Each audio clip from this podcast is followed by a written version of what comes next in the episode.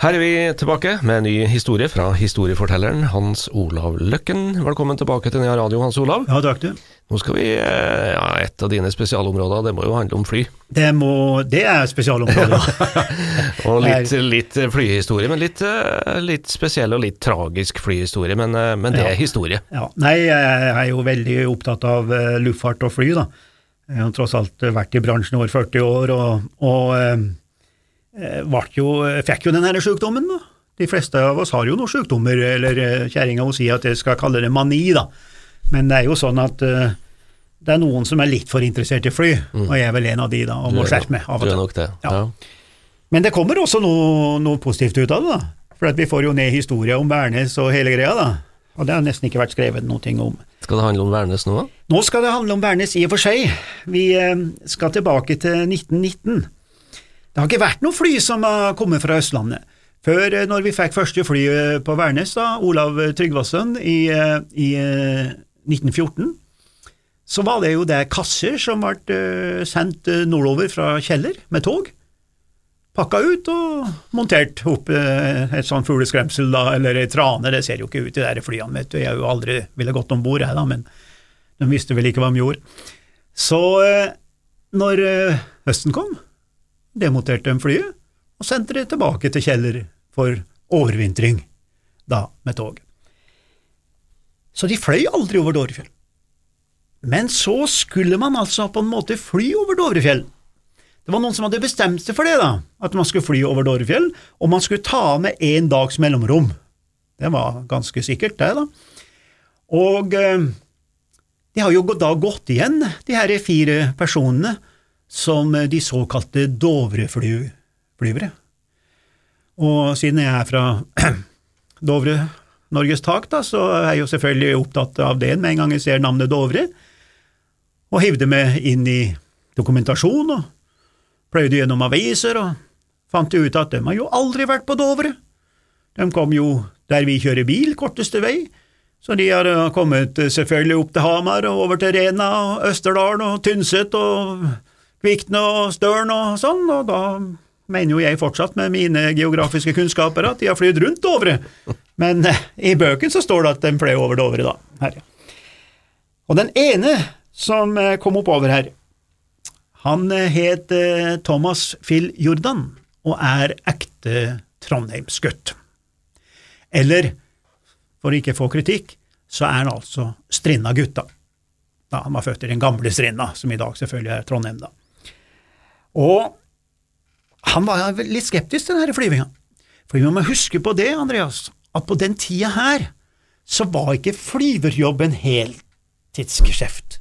Det var ikke noe du gjorde hele året. Nei, du var inne kanskje ei uke eller to per år. Erfaringsgrunnlaget var altså temmelig lite, og du kan sammenligne med National Guard i Amerika i dag, som på mange måter består av vanlige mennesker som meg og deg, men så er de inne og flyr noen få uker i året da, for å opprettholde beredskapen da, der.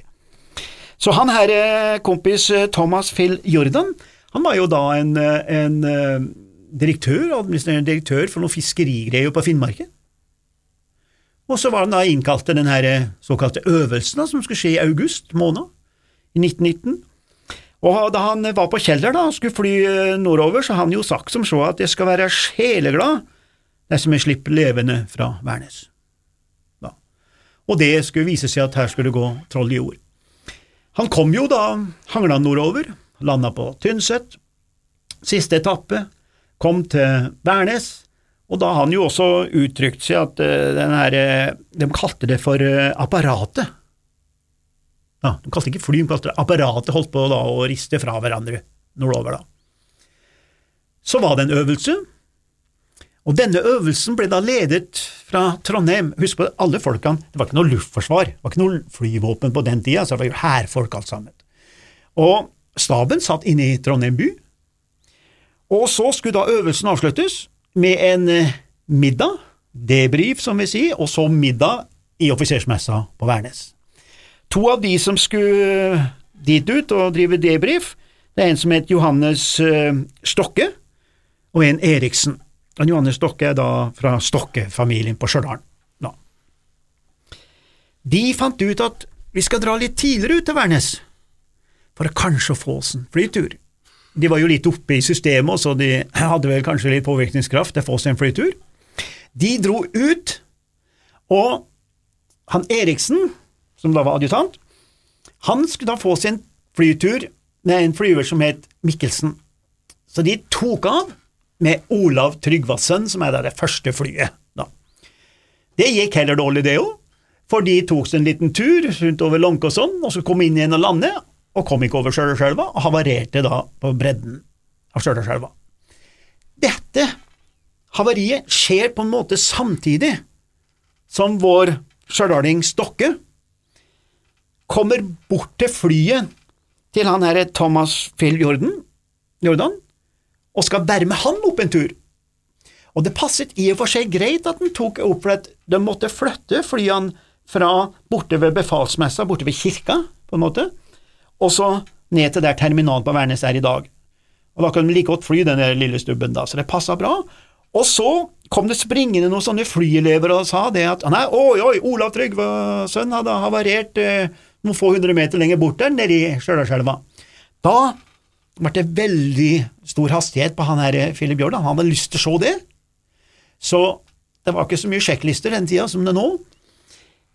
Så han shaka bare hen, altså han, han hilsa bare på han her eh, offiseren som kom, de har jo aldri sett hverandre, enda han bodde i og for seg eh, Jeg var oppvokst og gått på skole i Strinda begge to, men de kjente ikke hverandre, for det var seks-sju år i forskjellen. Så han her passasjeren hans kommer, og han Jordan han tar den bare i hånda og sier god dag, sånn og sånn, bare sett deg opp. Liksom, Nå skulle de ta veldig fort, for at de fortalte at det andre flyet har havarert, sånn det skal vi se på. Så tar han av på noe som kalles Kirkesletta. Det er helt inne ved, ved kirka på, på Værnes.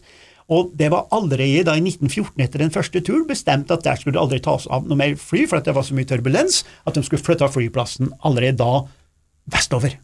Men um, det var jo 1919, så det går ikke så raskt eh, den gangen eller i Forsvaret, så det har gått noen år, ennå har de ikke fått flyttet seg. da. Men han tar jo av, og møter antagelig det vi på Værnes blant fagfolk kaller for den berømte Sørøsten.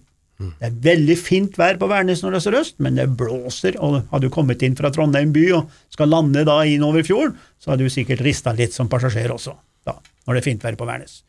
Best vær når det er grått, overskyet og litt regn. Da er det stabilt, skjønner du.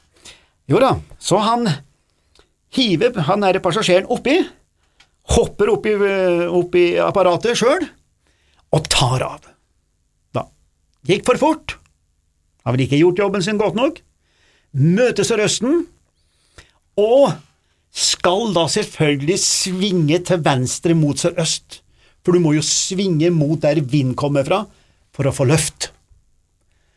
Han svinger motsatt vei, for der er Olav Tryggvason nedi elva.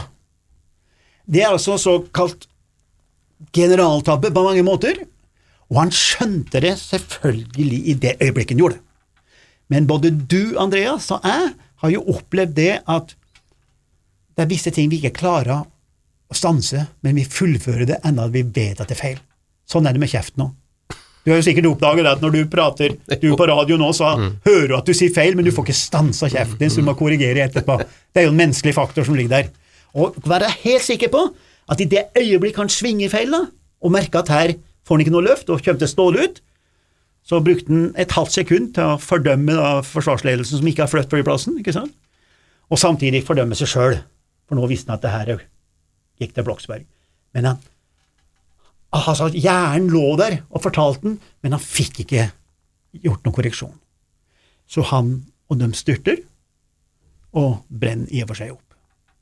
Ved siden av Olav Drøgvason. Det her er flyet her, da. Begge omkommer, selvfølgelig så kan man liksom tro at ja, det er ikke mer av historia. Jo da, skal du ha en god historie, så må du ha det som amerikanerne kaller the rest of the story. The rest of the story. Nå er jeg spent. ja, for det, det er jo det som gjør det. At det er jo et havari, men havari har vi nok av, dessverre. Nå må vi gå litt lenger inn i det her havariet, da. Og så går det da noen år,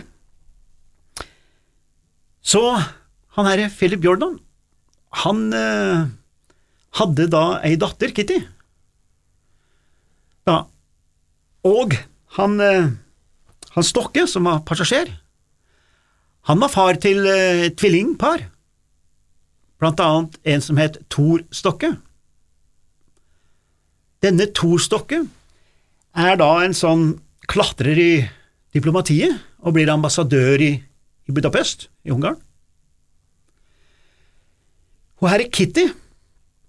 Hun gifter seg, når hun blir voksen, da, med en Gundersen, som også begynner å klatre i det her samme hierarkisystemet. Og en dag så skal han her Gundersen da, i en mottagelse, for han skulle bli ansatt i Handelsdepartementet, som det het den gangen, da, i sitt klatresystem, og skulle da på en slags mottagelse for nyansatte, da, hvor da ekspedisjonssjefen er han herre Tor Stokke, sønnen til han flyveren som omkom. Passasjeren. Hva? Passasjeren, mente du. Pa, eh, nei, han Tor Stokke, ja, ja. Tor Stokke, ja. Ja. Det er passasjeren. Sorry, beklager. Beklager. Sånn skjer, vet du. Han, han eh, Tor Stokke er altså sønn, og er ekspedisjonssjef. Øverste sjef i, i, i, i departementet der, da. Her. Og der møtes altså han Tor Stokke, tar imot han nyansatte som skal klatre i systemet, som het Gundersen, og hans kone, som det er Kitty, som er dattera til han flyveren. Og de vet ikke om hverandre. Hadde ikke peiling i hele tatt. For når du hilser, så går jo navn inn og ut, med de fleste av oss. Vi er bare ferdig med det formelle. Men senere i det selskapet, den mottakelsen og den seremoniet der, så begynner vi å prate. Hvor har du vært hen, hvem er du, og så videre og så videre. Og der kommer det opp at jeg, hun, dama, er sønn til flyveren, og ekspedisjonssjefen Nei, er, er, er datter til flyveren, og ekspedisjonssjefen er sønn til passasjeren. Der møtes genene igjen fra de to som hadde så vidt shaka hands og omkom fem minutter etterpå, ved siden av sjøl og sjøl. Ja, hva er det en bruker å si? Verden er ikke stor.